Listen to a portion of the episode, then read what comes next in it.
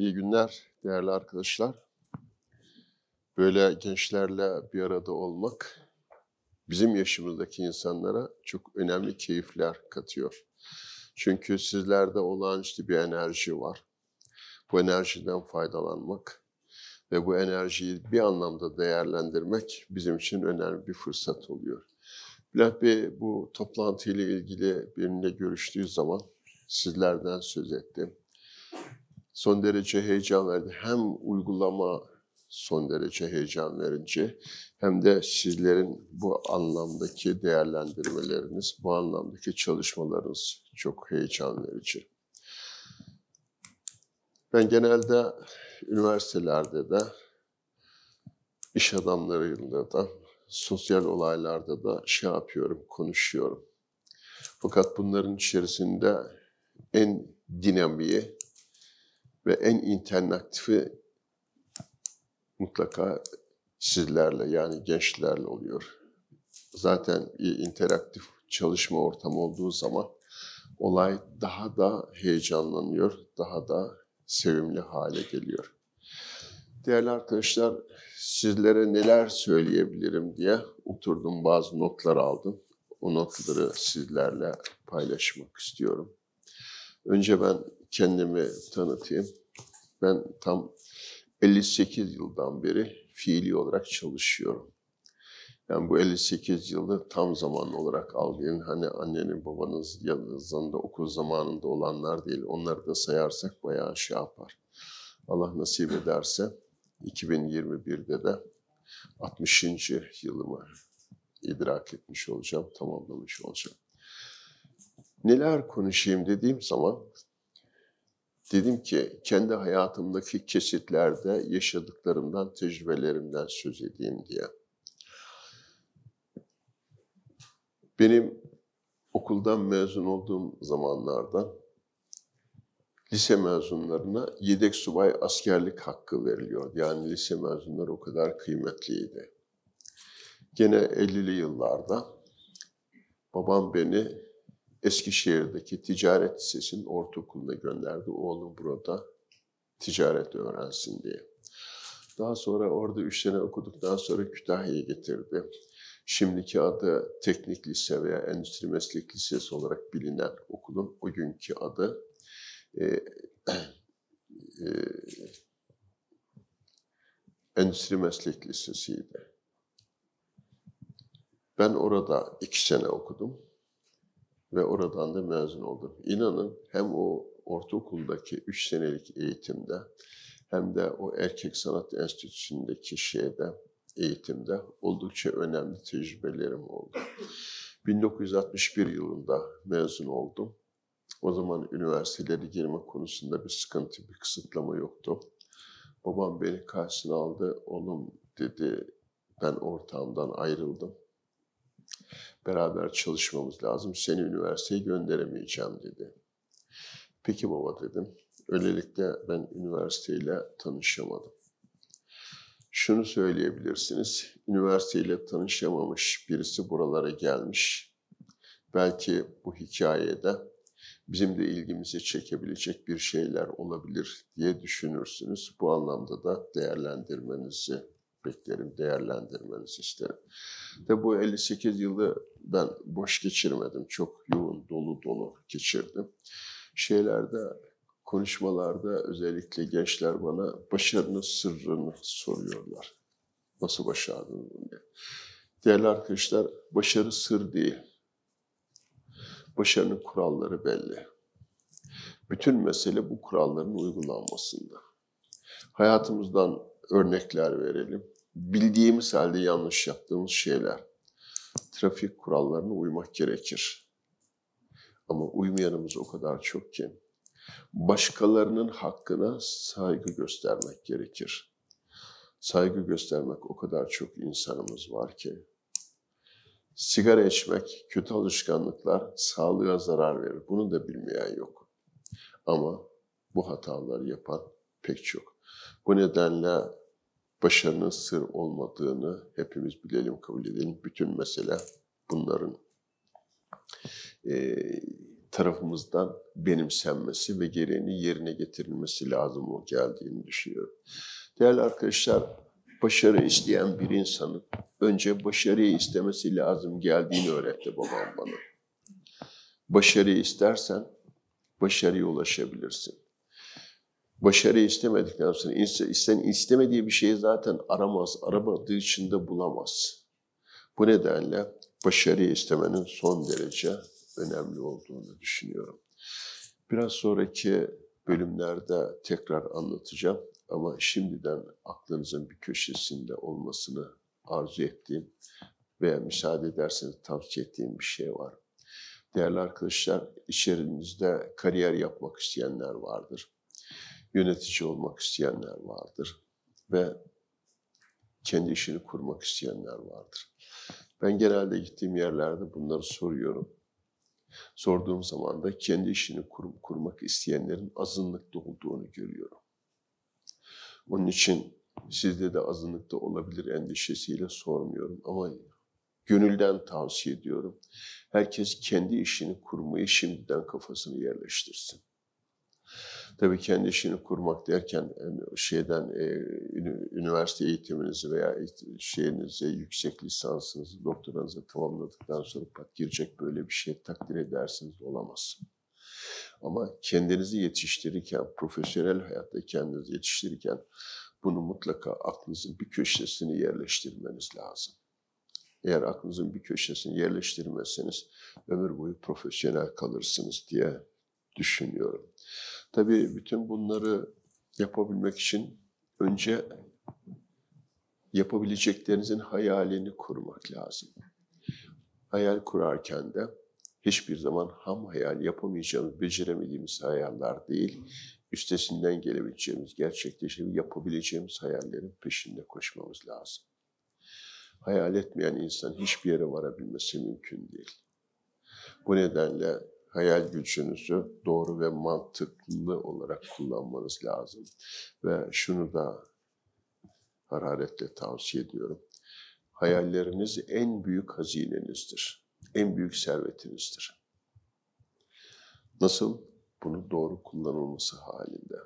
Bu nedenle hayal edeceksiniz ve hayallerinizin peşinde koşacaksınız. Ben hep hayal ettim, hep hayallerimin peşinde koştum size belki yüz tane hayal anlatabilirim. Ve Allah'a şükür istisnasız hepsinde ben başarılı oldum. Nasıl oldum? Ayağımı yere sağlam bastım. Gözlerim zirvelerde oldu. Hayallerimin peşinde böyle koştum. Eğer ayaklarınızı yerine, yere bas, sağlam basmazsınız, havalarda uçarsanız pat düşersiniz diye düşünüyorum. Bunun için hayallerinizi mutlak surette ayağınızı yere sağlam basarak, gözlerinizi zirvelerden ayırmayarak kovalamaya çalışınız. Ve bir şey daha var. Hayallerinizi çevrenizdeki doğru insanlarla paylaşın. Eğer hayallerinizi doğru insanlarla paylaşmazsanız, özellikle durağan insanlarla yan yana gelirseniz, onlar kendileri beceremeyecekleri için, sizin de becermemeniz için size telkinlerde bulunurlar. Bu nedenle çevrenizdeki insanların durağan olmaması, onların aktif olması, onların başarılı olması son derece önemlidir ve göreceksiniz onlardan iyi kötü mutlaka şey sağlayacaksınız, destek sağlayacaklar. Değerli arkadaşlar, hayal ederseniz hedefiniz oluyor. Hayal etmezseniz hiçbir hedefiniz olmuyor. Zaten hedefi olmayan insanın da bir şey yapabilmesi, bir yerlere gelebilmesi mümkün. Ve çevrenizdeki insanları da bu anlamda değerlendirmeniz lazım. Eğer bu insanlar hayal edemiyorlarsa, bu insanlar hayal etmek bir tarafa bırak, çevresine köstek oluyorlarsa, işte gelişmeyi önleyen en önemli bela budur. Hedefleriniz mutlak surette ulaşılabilecek hedefler olması lazım geldiğini söylüyorum. Bir örnek vereyim. Çok basit örnekler vereyim. bazen insanlar çıkar zaman geçirmek için. Avar avar doğru. Bir hedefleri yoktur. Bakarlar kendilerini ya sinemada bulurlar, ya bir parkta bulurlar, ya bir yol kenarında bulurlar. Onlar için belki önemlidir. Ama hedef olan insanların mutlaka hedeflerine ulaşmaları lazım. Ve bu hayallerinizin içerisinde değerli arkadaşlar mutlaka büyük düşünmenizi tavsiye ederim. Becerebileceğiniz en büyük hedefler sizin başarılarınızda en önemli aşamalar olacaktır. Büyük düşünmeyenler küçük kalıyor. Eğer küçük kalmasını istemiyorsak mutlak surette büyük hedeflerle beraber olmak zorundayız. Biraz evvel anlattım ben üniversiteye gidemedim. Bir eksikliğim var. Bu eksikliğimi nasıl tamamlamam lazım diye düşünürken aklıma şunlar geldi. Kendimde yaşça büyük, kariyer yapmış, iyi eğitim almış, saygın, sevilen insanlarla bir arada olmaya çalıştım. Tabii aramızda önemli bir yaş farkları var. Hani ofis boyu derler ya ve ayak adamı derler ya ben adeta onların yanında öyle gibiydim. Bana para verirlerdi. Git gazete al gel. O zaman gazeteler sokaklarda satılırdı. Bana para para verirler. Git sigara al. Git buradan bir ayakkabı boyacısı çağır gibilerinden. Ben hep onların yanında e, vakit geçirdim. Ve kendimi sevdim. Ondan sonra beni çeşitli etkinliklerin içinde yer almamı sağlamaya çalıştılar. O kadar ki hiç kimse benim yaşımdan beklenmeyecek şeylerde, e, makamlarda benim o makamları temsil ettiğimi gördüler. Mesela o tarihlerde çok önemliydi. Milletvekillerinin devamlı gittiği yerler. Ankara'da e, Anadolu Kulübü müydü Bülent Bey? Anadolu Kulübü'ne giderdik. İşte o tarihlerde gazino kültürü vardı. Gazinoya giderler. Gazinoda nasıl oturur, nasıl adabı nedir, şeysi nedir. Ankara'ya gittiğimde hadi filanca umum müdürü gidelim, bugünkü genel müdür. Filanca vekile gidelim, bugünkü bakanlar. Oralara giderdik. Nasıl randevu alınır, nasıl konuşulur, ne kadar kalınır falan ben hep bunları onların yanında öğrendim. Ve çok önemli de bunların faydalarını gördüm. Gene size hararetle tavsiye ediyorum. Birikimli, dolu dolu insanlarla bir arada vakit geçirmeye çalışın. Onların çok önemli etkilerini, çok önemli katkılarını göreceksiniz. Değerli arkadaşlar, insanların en önemli engellerinden, kösteklerinden bir tanesi hata yapmak. Hata yapmaktan asla korkmayın. Hata yapmaktan korkarsanız zaten bir iş yapamazsınız. Benim babam son 24 e, yıldan beri hiç hata yapmıyor. Çünkü rahmetli oldu. Bu 24 yıldan bu yana ben onlarca, belki yüzlerce hata yaptım. Ama aynı hatayı asla ikinci defa yapmadım. Yaptığım her hata bana ders oldu. Eğer hata yapmaktan korkarsanız bir iş yapamazsınız. Yaptığınız hatadan ders alırsanız da bunların size çok önemli katkı olduğunu şey yapacaksınız, göreceksiniz. Tabii değişim çok önemli değerli arkadaşlar. Türk insanının en önemli özelliği değişime direnç göstermek. Ben bunu kendi şeylerimde de e, görüyorum. E, fabrikalarımda da görüyorum her gün yeni bir şey oluyor veya her sene yeni bir doktrin, yeni bir e, düşünce ortaya çıkıyor. İşte biz bunu yapıyorduk. Biz bundan çok başarılıyız. Yok hayır. O başarı orada kaldı. Bunun için mutlak surette yeniliklere açık olmak lazım ve yeniliklerin peşinden gitmek lazım. Bizim ARGE, inovasyon ve tasarım merkezimiz diye bir şeyimiz var. Ben oraya yaptığım zaman herkes şaşırıyor. Keşke getirseydim fotoğrafını gösterseydim. Tam 9000 küsür metrekare kapalı alanda çalışıyorlar. Ve özellikle tasarımcılara hiç kimse hiçbir şey sormaz. Onlar diledikleri gibi çalışırlar. İsterse şeyde otururlar, e, kafede otururlar. İsterse çalışırlar. İsterse evlerinde çalışırlar, isterlerse de gece yarılarına kadar çalışırlar. Bunlar hep yeniliklerin peşinde koşma şeyimizdir, e, özelliğimizdir. Ve değerli arkadaşlar en önemli şeylerden bir tanesi dinlemeyi bilmek ve konuşmayı bilmek. Dinlemeyen insan öğrenemiyor. Konuşamayan insan da kendisini ifade edemiyor. Ben bir müzakere esnasında karşımdakinin konuşmasının tamamının bitinceye kadar hiç sesimi çıkarmam. Uzunsa bir not alırım. Çünkü sözünü kestiğiniz anda o konsantrasyonunu kaybediyor. Hani ne, ne, ne oluyor bu? Şey haline geliyor, e, bir atışma haline geliyor.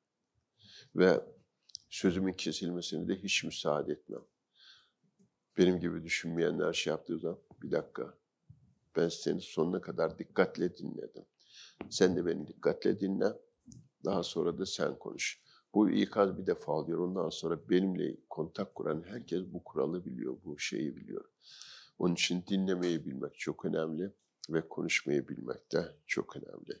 Tabii konuşmayı bilmek derken konuşmayı iki anlamda değerlendirmemiz lazım geldiğini düşünüyorum. Bir tanesi müzakere esnasında konuşmak, kendini ifade edebilmek. İkincisi de belki o daha önemli toplum karşısında konuşmak, kendini ifade edebilmek.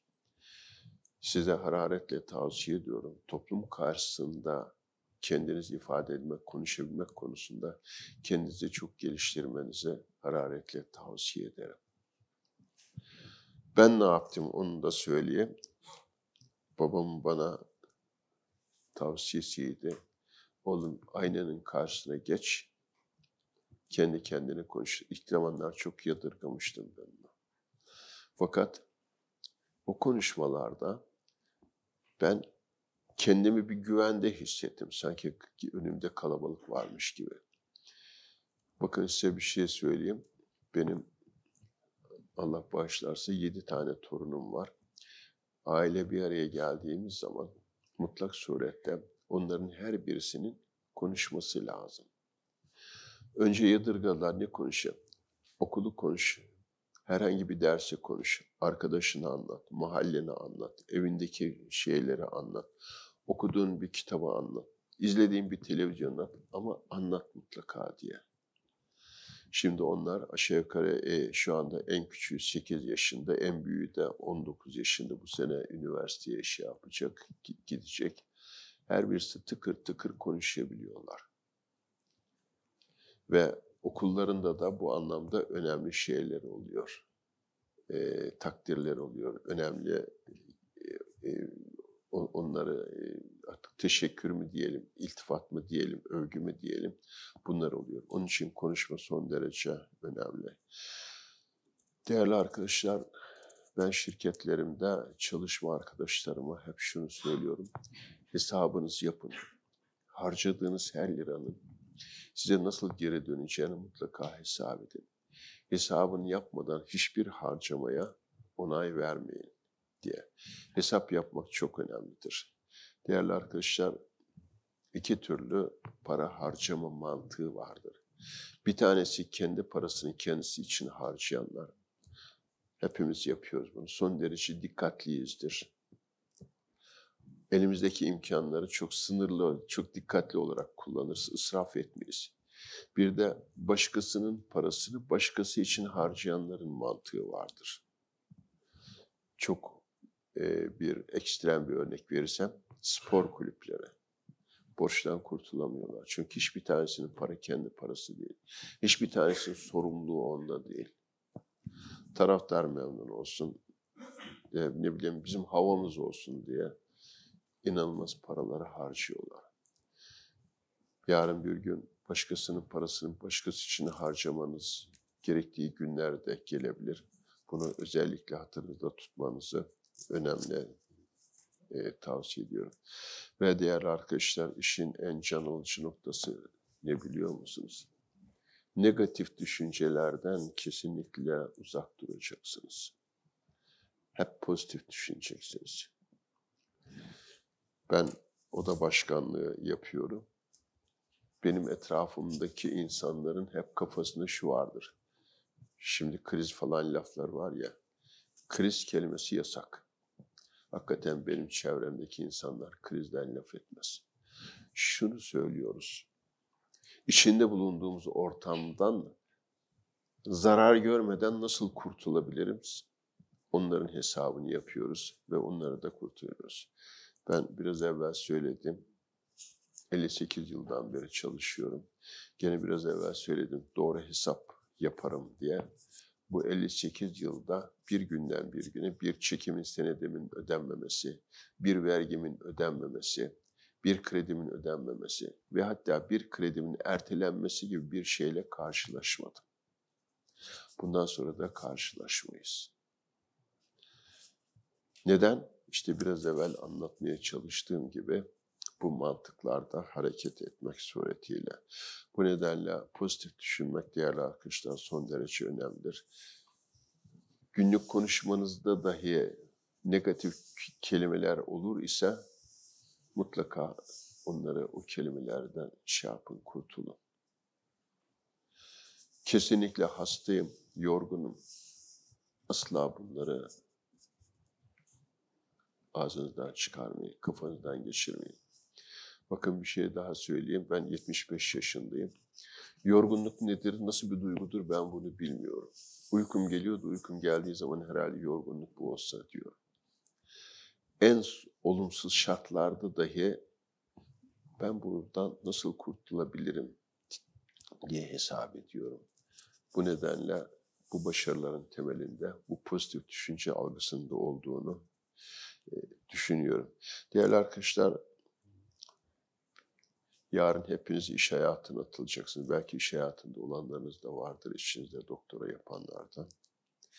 Burada bir defa daha altını çiziyorum. Mutlak surette kendi işinizi kurmayı aklınızın bir köşesinde mutlak surette bulundurun. Ve bir şey daha size söylemek istiyorum. Altını çizin dediğim bu düşüncenin asla ve asla üstünü çizmeyin. Ne demek istediğimi anlatabildim herhalde. Altını çizdiğiniz bu şeyin asla ve asla üstünü çizmeyin. Aklınızda durunsun. Ha bu bu sene olur, üç sene olur, beş sene olur, belki on beş sene sonra olur. Kendi işini yoktan kuran o kadar çok insan var ki hep siz bunları okuyorsunuz. Belki çok ekstrem örneklerdir ama bilinmeyen de çok çok şeysi var. Bu nedenle mutlak surette kendi işinizi kurmayı hayal edin. Ve işinizi sevmekten öte değerli arkadaşlar işinize aşık olmanız lazım. Biraz evvel söyledim.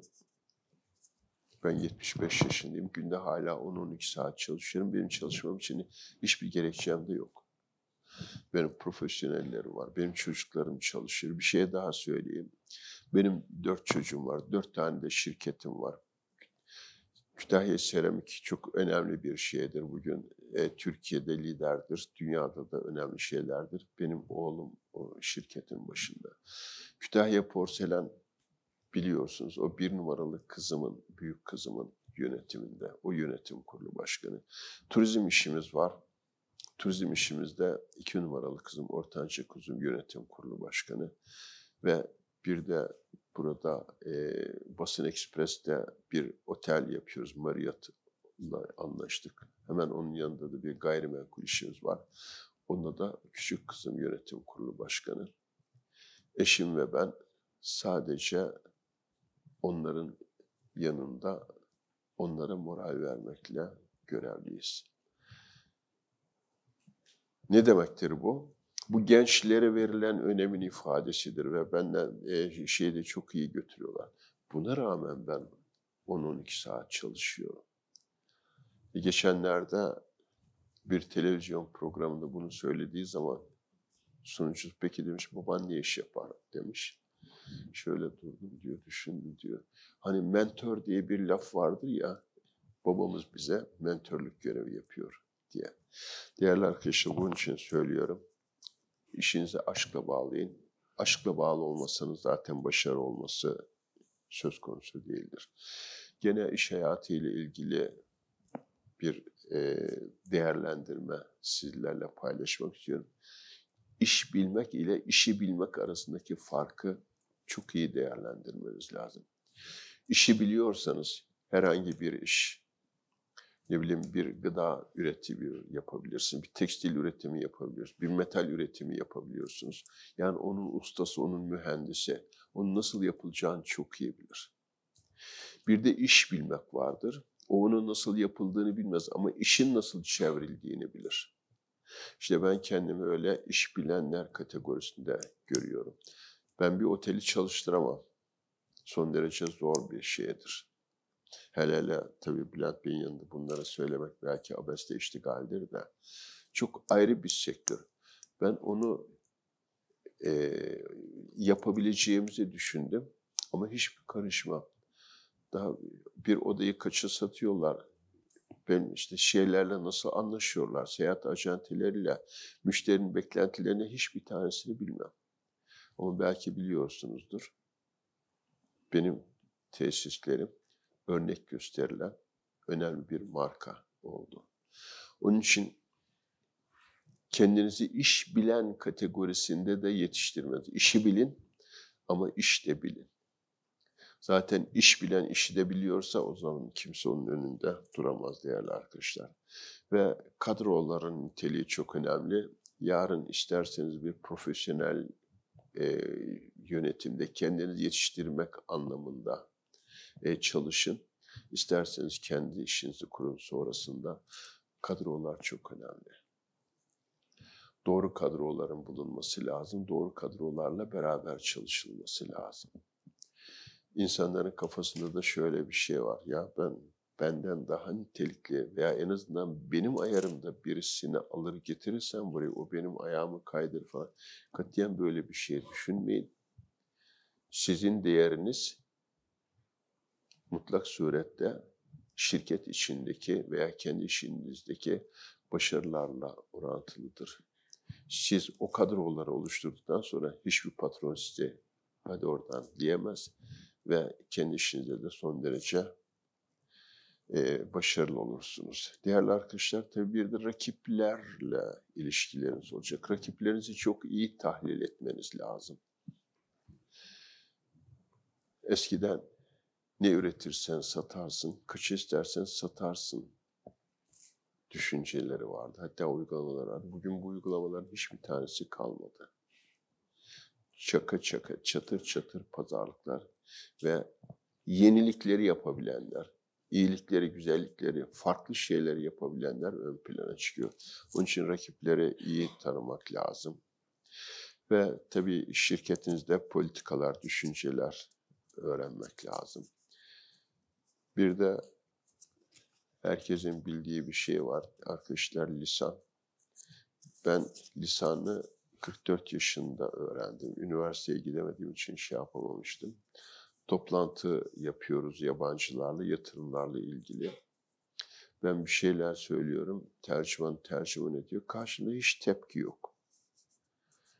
Şey söyleyeyim ya, benim söylediklerimi söylemedin mi dedim. E söyledim dedi. Ya dedim benim söylediklerimi duysa bu adam dedim tavana fırlar dedi. Yok dedi ben dedi öyle biraz sert oldu da yumuşatarak söyledim. Bundan sonra 44 yaşında ben İngilizce öğrenmeye başladım. Bir öğretmenim vardı. Biz saat 8'de işbaşı yapıyorduk. Ben saat 7'de gidiyordum. 7'den 9'a kadar 2 saat çalışıyor. Yani 1 saati şeyden 1 saati de işten almak suretiyle tam iki buçuk yıl boyunca ben İngilizce öğrendim 44 yaşındayken. Bundan sonra biraz daha işte kendimi geliştirmeye başladım. Tabii böyle bir akıcı şey söz konusu değil. Konuşmam söz konusu değil. Ama düşüncelerimi aktarabilecek kadar şey oluyor. Bunun için lisan çok önemli. Lisan derken benim konuştuğum kadar değil. Hani bir halk tabi var. Şakır şakır şakır bu İngilizceyi konuşmanız lazımdır. Değerli arkadaşlar tabii değişen şeylerden bir tanesi de teknoloji oldu. Teknolojinin her gün bir şeysi değişiyor. Dün akşam bir e, yemek vardı. Benim arkadaşım şeyden gelmiş, Japonya'dan geldi. Japonya anlatıyor. Bir diyor dilenci çıktı diyor karşımıza diyor. İşte bize misafir eden diyor. Ondan diyor para istedi diyor. Cep telefonundaki barkoddan dilenciye sadaka verdiğini söyledi. Düşünebiliyor musunuz? Şey böyle gelişiyor. Ha, ben de tabii şaşırdım şeye nasıl oluyor da e, dilenci olabiliyor Japonya'da diye. Meğer oraya sığınan yabancılarmış. Yani şeyi dahi, sadakayı dahi o barkodla verebilmiş şeylerine var. Değerli arkadaşlar, benchmarking bu da son derece önemli. Biliyorsunuz otomotiv sektörüne bant, yürüyen bant sisteminin e, fikri bir tavuk e, kesim hanesindeki şeyden kaynaklanıyor. Böyle şeyler havada dolaşıyor, çengele takılmış. Demiş ki tavuk buradan gittiğine göre bu otomobil de buradan gider. Öylelikle bir benchmarking yapılmış. Son derece önemlidir. Benchmarking'i hiçbir zaman aklımızdan çıkarmamız lazım. Değerli arkadaşlar, biliyorsunuz en çok dikkat ettiği, dinlediğim şeylerden bir tanesi de felaket senaryoları. Ben sosyal medyayı hiç takip etmiyorum. Arada bir benim arkadaşlarım şeyler e, gönderiyorlar. Sosyal medyadan alıntılar gönderiyor. Onu bakıyorum. Onları ben itibar etsem işi gücü bırakırım. Hiçbir tanesini itibar etmiyorum. Onun için tavsiye ederim. Asla ve asla felaket senaryosu yazmayacağınız gibi yazılan şeylere de itibar etmeyin. Öyle bir risk varsa düşünecek tek şey vardır. Ben bu riskten nasıl kurtulabilirim? Nasıl bundan yara almadan kurtulabilirim? Hatta ve hatta nasıl ben buradan kendime fayda çıkartabilirim? Yatırımlar için en uygun zaman neresidir biliyor musunuz arkadaşlar? Şu herkesin kriz dediği, ekonomik darboğaz dediği falan o zamanlardır. Herkes durağandır. En ekonomik şekilde şeyinizi yaparsınız, alımlarınızı yaparsınız. En ekonomik şekilde kredilerinizi temin edersiniz. Bakın bir şey anlatayım. 15 Temmuz, 15 Temmuz benim eşimin doğum günü. Bir arkadaşımız yazdığında bize davet etti. İşte yemek yendi, pastalar geldi, resim çekilecek. Herkes telefonuna sarıldı. Aa bir şeyler oluyor. Bir şeyler oluyor. Kimse ne olduğunu fark edemedi, anlayamadı. Yakıştıramıyoruz da böyle bir kalkışma olduğunu falan yakıştıramıyoruz. Yani o yak artık günümüzde bunlar olmayacak diyoruz. Daha sonra spiker çıktı, bunları anlattı. İş kalkışma olduğunu anlattı. Ve dağıldık, odamıza çekildik. Dedim ki o tarihte bizim 4000 çalışanımız vardı. Ya dedim ben bu 4000 çalışanım ne yapar? Ben onlara nasıl fayda sağlarım? Ben bunları nasıl ekmeklerini devam ettiririm falan onu düşünmeye şey yaptım. Ne yaparım diye. Sonra Sayın Cumhurbaşkanı ekrana çıktı. Ekrana çıktığı zaman tamam dedim. Bu iş bitmiştir. Oturdum klavyenin başına. Üç tane mektup yazdım. Bir tanesi bizim bayilerimiz. Biz onlara iş ortağı deriz. Bunu unutmayın. Sakın kimseye bayi lafı etmeyin. Onları iş ortağı olarak görün. İş ortaklarımıza bir şeyler olduğunu şey yapıyorsunuz merak etmeyin. Hiçbir şey olmaz. Her şey güllük gülistanlık devam edecektir. Bunun kanıtı olarak da ben bir yeni fabrika yapmaya karar verdim. Siz onun malını nasıl satacağınızı düşünün. Cuma gecesi yani cuma cumartesiyi bağlayan sabah dört falan gibi herhalde bu şeyler. İkinci mektup bize makine satanlar. Onlara mesaj yazdım. Aynı şey. Bir şeyler olduğunu göreceksin. Mesela merak etmeyin bir şey olmaz. Biz 2016'da aldığımız fabrikanın aynısını sipariş ediyorum. Pazartesi günde teyidine gönderiyorum diye. Üçüncü mektupta bizim malımızı alan, ithal edenler. Aynı şekilde onlara da merak etmeyin bir şey olmayacak. Siparişlerinizi zamanınızda alacaksınız. Ertesi günün cumartesi işte şey Kütahya'ya döndük. Meydanlar toplandı. Meydanda bana da bir konuşma hakkı verildi. Orada da dedim arkadaşlar merak etmeyin bir şey yok. Herkes işine gücüne baksın. Ben bunun e, teminatı olarak, bunun ifadesi olarak da bir fabrika yapmaya karar size söz veriyorum dedim. Bir hafta içinde temelini atacağım. Şey affedersin bir ay içinde temelini atacağım dedim. Bir ay içinde temelini atamadık belki 40 gün içinde attık. Fakat olabilecek en ekonomik şartlarla ben o fabrikayı yaptım. O fabrikanın şeysi bizim gündemimizde hesabımızda yoktu. Bu 2016'da oluyor. O bizim 2018 programımızda bir yıl öne aldım. Ve e, iki yıl öne aldım. O öne almakta da dediğim gibi ciddi bir şey e, sağ, sağladık. Bu anlamda şey yapıyorum. Değerli arkadaşlar sakın vakı felaket senaryolarına itibar etmeyin. Ve kendinize şunu telkin etmeniz lazım. Kimse yapamaz, yapamaz ben yaparım. Kimsenin göremediğini ben görürüm. Kimsenin bilemediğini ben bilirim. Kimsenin cesaret edemediğini ben cesaret ederim gibilerinden kendinizi telkinde bulunun. Ama bütün bunları söylerken hep ayağınızı yere sağlam basmak. Bunun içerisinde bunu çok iyi e, şey yapmanız lazım, değerlendirmeniz lazım. Değerli arkadaşlar, en önemli şeylerden bir tanesi de marka yaratmak. Marka şöyle küçük bir etiket gibi görünüyor ama o etiket ne kadar zamanda. Herhangi bir giysi olsun, o etiket o giysinin değerini ifade ediyor. Belki aynı şey, mesela pek çok Vakko, Vakko'nun kendi üretimi yok. Orada burada her yerde ürettiriyor, etiketini yapıyor.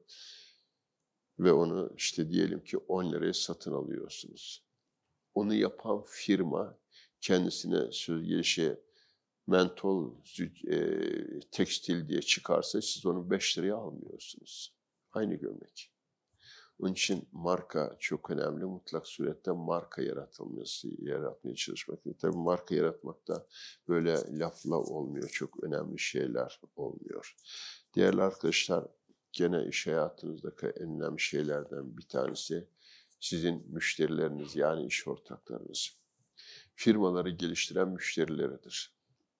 Müşteri hangi kategoride talepte bulunuyorsa firmalar o ölçüde gelişir. Mesela şeyden seyahat acentelerinden bahsedeyim. Aynı yere çok çeşitli şeyler var. Bir tanesi diyor ki ben diyor 300 euroya götürürüm. Bir tanesi diyor ben 400, bir tanesi diyor 600 euroya götürürüm. O 300 euroya götüren götüren insanların kendileri para kazanamadıkları gibi şeyde rezil ediyorlar. Götürdükleri insanları da rezil ediyorlar. Ve ucuz şeyler yaptıkları zaman mesela üretim olsun bu defa da ucuz ham maddeler kullanmak. Yani herhangi bir şekilde uyduruk şeyler yapmak suretiyle onu e, becermeye çalışıyorlar. Hem kendisi kazanamıyor hem de müşterisini mutsuz ediyor. Bu nedenle müşterilerinizi bu anlamda ikna etmeniz lazım. Size öyle şeyler anlatabilirim ki burada. Mesela çok basit bir tane bir seramik yaparken işte 8 liraya satıyoruz seramin metrekaresini o tarihlerde. İşte geliyorlar diyorlar ki işte bunu 25 kuruş indirin. Bana soruyorlar 25 kuruş indirelim diyorlar. Ne diyorsunuz? Dedim yani 25 kuruş niye istiyor bu 25 kuruşu? İşte ben onu 8 liradan satacağım 25 kuruş kazanacağım. Dedim ona söyleyin size de ben söylüyorum. Eğer bu 25 kuruşa 8 lirada 25 kuruşa mal satıyorsa siz sakın olana mal vermeyin. Yarın bir gün bir yerde parası batsa sizin paranız da gider, kendi parası da gider. Bunları söyleye söyleye şimdi biz o ucuz kategoride yani her sektörün bir ucuzluğu vardır. Biz o kategoride şeyler yapmıyoruz. İyi kategori yapıyoruz ve bizim şeylerimiz de son derece memnun, son derece mutlu. Bu son derece önemli olduğunu bir defa daha arkadaşlar söyleyeyim. Müşteri yani işinizi geliştiren müşteridir. Değerli arkadaşlar bir başka önemli şey de empati. Mutlak surette empati yapmak lazım. Empati yaptığınız zaman hem karşınızdakine değer vermiş oluyorsunuz hem işlerinize de daha rahat hareket etmiş oluyorsunuz. Eğer empati yapılmasa bir yere varmak mümkün değil ve şeylerin insanları başarıya ulaştıracak en önemli kulvarlardan bir tanesinde empati yapmak olduğunu düşünüyorum. Ve sadece iş hayatında değil, yaşantınızda da empatiden uzak kalmamak lazım geldiğini düşünüyorum. Değerli arkadaşlar bir de çok konuşulan şey var. Liderlik. Lideri olmayan hiçbir oluşumun başarı şansı yoktur. Takdir edersiniz bunu. Bunun için kendinizi lider olarak yetiştirmeniz lazım. Aynı zaman diliminde aynı okullardan mezun olmuş, aynı şartlarda işe girmiş insanlardan birilerinin geliştiğini, birilerinin de gelişemediğini görürsünüz. İşte gelişmiş olanların ruhunda liderlik ruhu vardır. Onun için liderlik ruhunu çok iyi algılamak lazım. Bir de laf var, lider mi olunur, lider mi doğulur falan diye. Ben onun her ikisinde bir arada olduğunu düşünüyorum. İçinizde yoksa, istemiyorsanız zaten bir yere varabilmeniz mümkün değil. Yani genlerde de liderlik olması lazım. O genlerdeki lideri de, liderliği de iyi becermek lazım. Değerli arkadaşlar, liderlik her alandaki başarıların toplamıdır diye basit bir tarif yapabilirsiniz. İşte her alandaki başarının elde edilebilmesi için de bu liderliğin son derece önemli olduğunu düşünüyorum. Tabii lider derken liderlik arkadaşlar otorite değildir. Elinizdeki gücü kullanarak karşınızdakinize iş yaptırmak, yaptırmak değildir. Mutlak surette onun severek yapabileceği şekilde ona yaklaşmak lazımdır.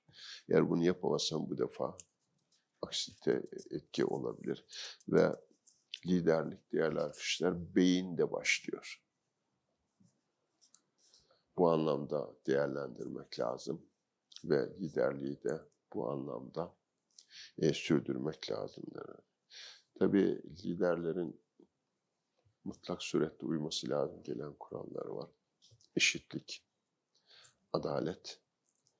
Eşitliği de adaleti de aştığınız zaman son derece geniş şeyler bulabilirsiniz. Yani yanınızda çalıştırdığınız insanları bu anlamda değerlendirmek lazım.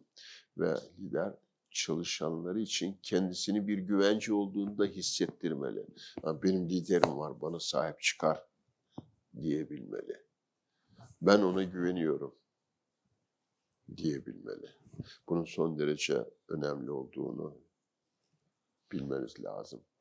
Ve iş yerlerinde en çok sıkıntı çekilen şeylerden bir tanesi de yönetici engeli. Biraz evvel de bir vesileyle anlattım. Yönetici engelini aşmak çok kolay değildir. Eğer patronsanız bunu mutlaka değerlendirip o engel koyanları ortadan kaldırmanız lazım. Yok profesyonelseniz alt kadrolarınızdaysa gene bunu tabiri caizse ikna edip düzeltmeniz lazım. Eğer siz alt kadro değilsiniz o zaman tabii işinizin biraz zor olduğunu şey yapmamız lazım. Tabii bu yönetici engeli aşılamadığı sürece o kuruluşun, o firmanın, o patronun çok önemli derdi, çok önemli e, problemi olabiliyor. Değerli arkadaşlar, üstüne basarak bir defa daha söylüyorum. Lider, yeni lider yetiştirendir. Eğer yeni lider yetiştirmiyorsa hiçbir şey yapamaz. Ve yeni yetiştirdiklerin görüldüğü zaman onun değeri artar. Size bir örnek vereyim. Ben Kütahya'da Ticaret ve Sanayi Odası Başkanlığı yapıyorum. Gene Odalar Birliği'nde şeylerim var, görevlerim var. Ben hem Odalar Birliği'ndeki üstüme düşen görevleri hem de ticaret sanayi odasındaki görevlerimi kurumsallaştırdım. Ben hiçbir zaman odanın e, odayı ilgilendiren işlemleriyle ilgili olarak odada görev yapmam. Hep onları benim kadrolarım yaparlar. Seçilmiş yöneticilerim vardı. Yani benim yardımcılarım vardır. Onlar yapar. Hani tabiri caizse ben süs bebeği gibi otururum orada. Ama hiçbir zaman benim otoritem sorgulanmaz. Benim bu yaptığımı yapmak isteyen çok oda başkanı var ama hiçbir tanesi beceremiyor. Çünkü şey yaptığı zaman erk elden gidiyor, güç elden gidiyor. O gücünü ölçemeyenler, o gücün varlığını devam ettirme konusunda bir çalışması olmayanlar bunu yapamıyor, beceremiyor. Bu anlamda da liderlik vasıflarınızı yeni liderler yetiştirerek desteklemeniz lazımdır diye düşünüyoruz. Değerli arkadaşlar, lideri bir tarif ederken lider öğrenen, öğrendiklerini öğreten, özverili olan ve örnek alınan kişilerdir. Bu dört tane ö bunu unutmayalım.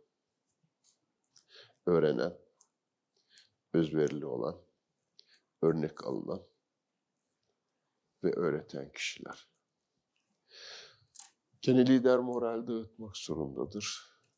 Problemler benim, mutluluklar, iyilikler, güzellikler sizin diyebilmesi lazım. Eğer şey yapamazsa, e, bunları yapamazsa liderliği sorgulanır. Çok basit bir örnek vereyim. Bir orkestra düşünün. Orkestranın bir şefi vardır. Şefinin şöyle bir çubuğu vardır. Şöyle sallar. Benim Devlet Opera ve Balesi'nde korno e, icra eden bir arkadaşım var. Korno biliyorsun şöyle yuvarlak bir şey, nefesli. Bir gün sohbette dedi ki, benim dedi o kornoyu üflemek için dedi ciğerlerim patlıyor dedi. Şu yanımda dedi bir zil şey yapan birisi var diyor. Belki diyor konser boyunca 50 defa şu zili vuruyor. Biz ikimiz diyor aynı parayı alıyoruz diyor. Ben de ona dedim ki ya o zaman sen de dedim eline bir çubuk, çubuk al dedim. Orkestra şefi ol dedim. Şöyle durdu. Dedi sen dedi onu dedi şeyden ibaret zannediyorsun dedi. En yanıdır dedim. Biz her enstrümanı icra ederken sadece kendi notalarımızı biliriz. Ama şef hepsini bilmek zorunda. Bilmekle birlikte onların tempolarını da bilmek zorunda hani işaretler var ya, o işaretler bizim hepimize mesajdır diye. İşte arkadaşlar şey bu, lider, lider bu. Ve şunu iyi bilin, patronsuz ve lidersiz ne aile olur, ne şirket olur. Aynı şekilde aile kavramında da bu anlamda değiştirmek lazımdır diye düşünüyorum. Ve kurumsallaşma, biraz evvel söyledim. Hani bir laf vardır. The man who knows everything derler. Her şeyi bilen adam. Her şeyi bilen adamların şirketlerinin sağlıklı gelişmesi söz konusu değil. Her şeye karar veren aile reisinin ailesinde de böyle mutlu bir yaşam söz konusu değildir. Yani mutlaka kurumsallaşmak lazım. Kurumsal yapı olmazsa başarı olmaz. Tabii kurumsallaşmayı da e, çok ayrıca şey yapmak lazım, değerlendirmek lazım. E, bu başlı başına bir şey konusudur. E, anlatım konusudur. İnşallah kurumsallaşmayı da bir şekilde şey yaparsın. Ve değerli arkadaşlar, bütün bunlardan sonra da sosyal anlamdaki davranışlar. Değerli arkadaşlar, sizin değerinizi ölçebileceğiniz en önemli platformdur sosyal alanlar, alanlardaki etkinlikleriniz. Eğer siz seviliyorsanız, sosyal yaş e, hayatınızla ilgili seviliyorsanız, saygı görüyorsanız ve hatta taklit ediliyorsanız o zaman siz başarılı bir insansınız.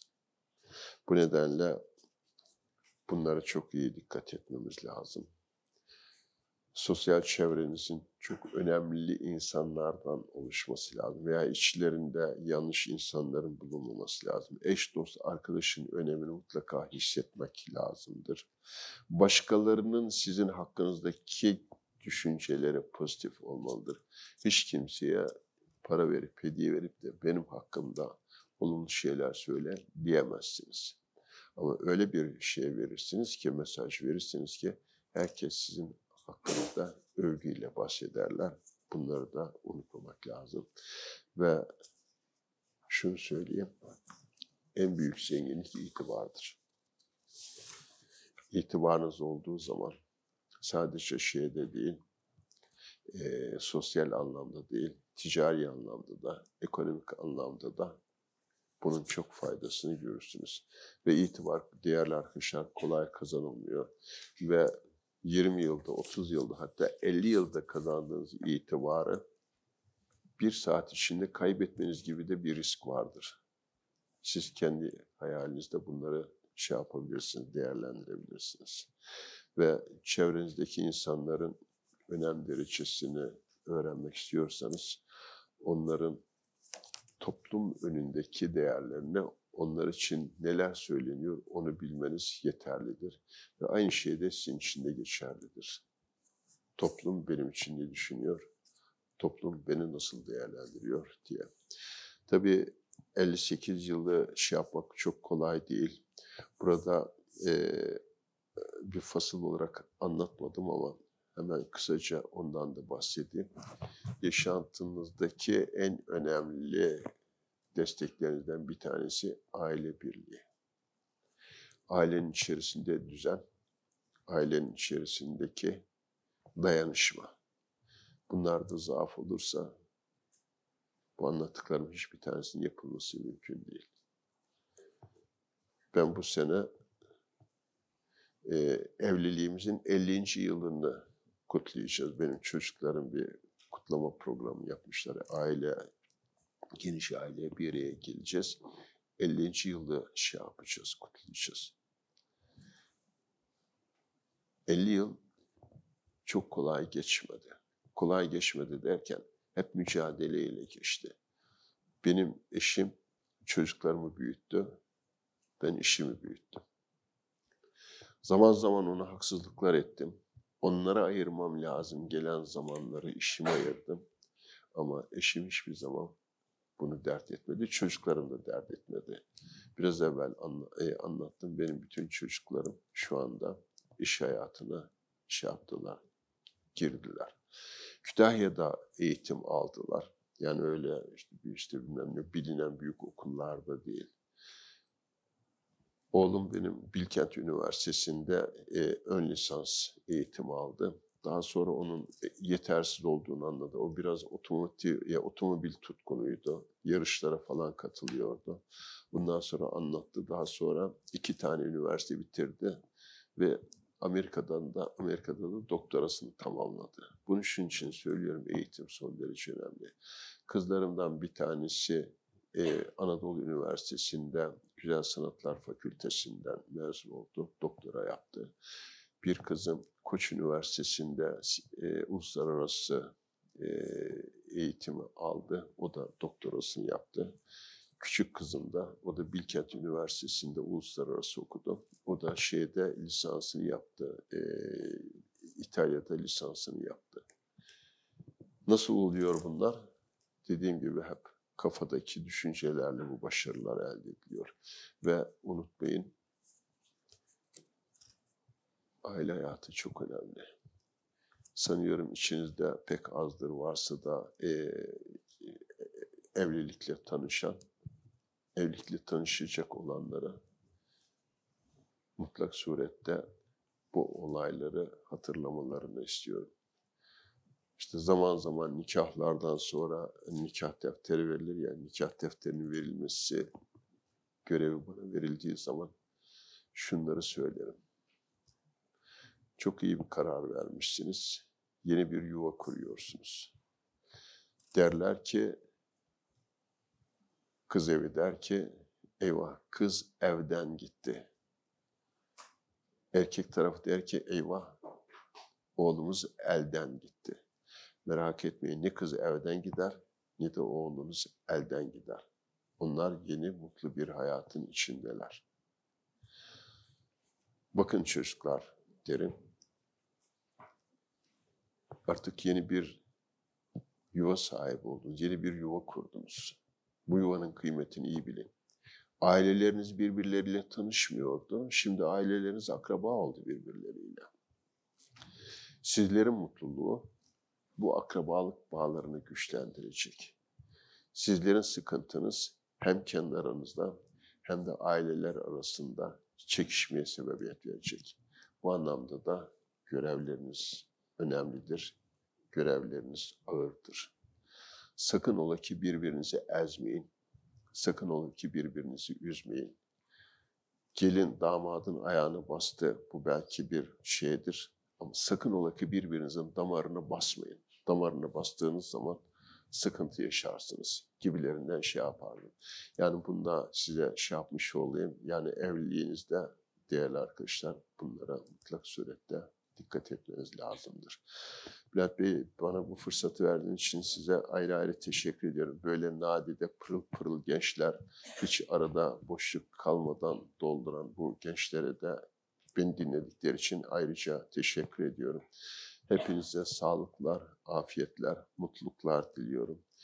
İnşallah Türkiye'nin geleceğinde söz sahibi olan insanlar, Türkiye'nin geleceğinde ekonomiye katkı sağlayan insanlar, inşallah önemli şirketlerin sahibi olarak sizleri bu toplumun hizmetinde görmeyi arzu ederiz. Bu toplum ne kadar bu e, sizin becerilerinizden mutlu olursa, Türkiye Turing ve Otomobil Kurumu da sizlere bu anlamda katkı verdikleri için tabii özellikle Bülent Bey'in de bu konudaki destekleri zannediyorum e, çok önemli olacaktır. Allah kolaylıklar versin sizlere.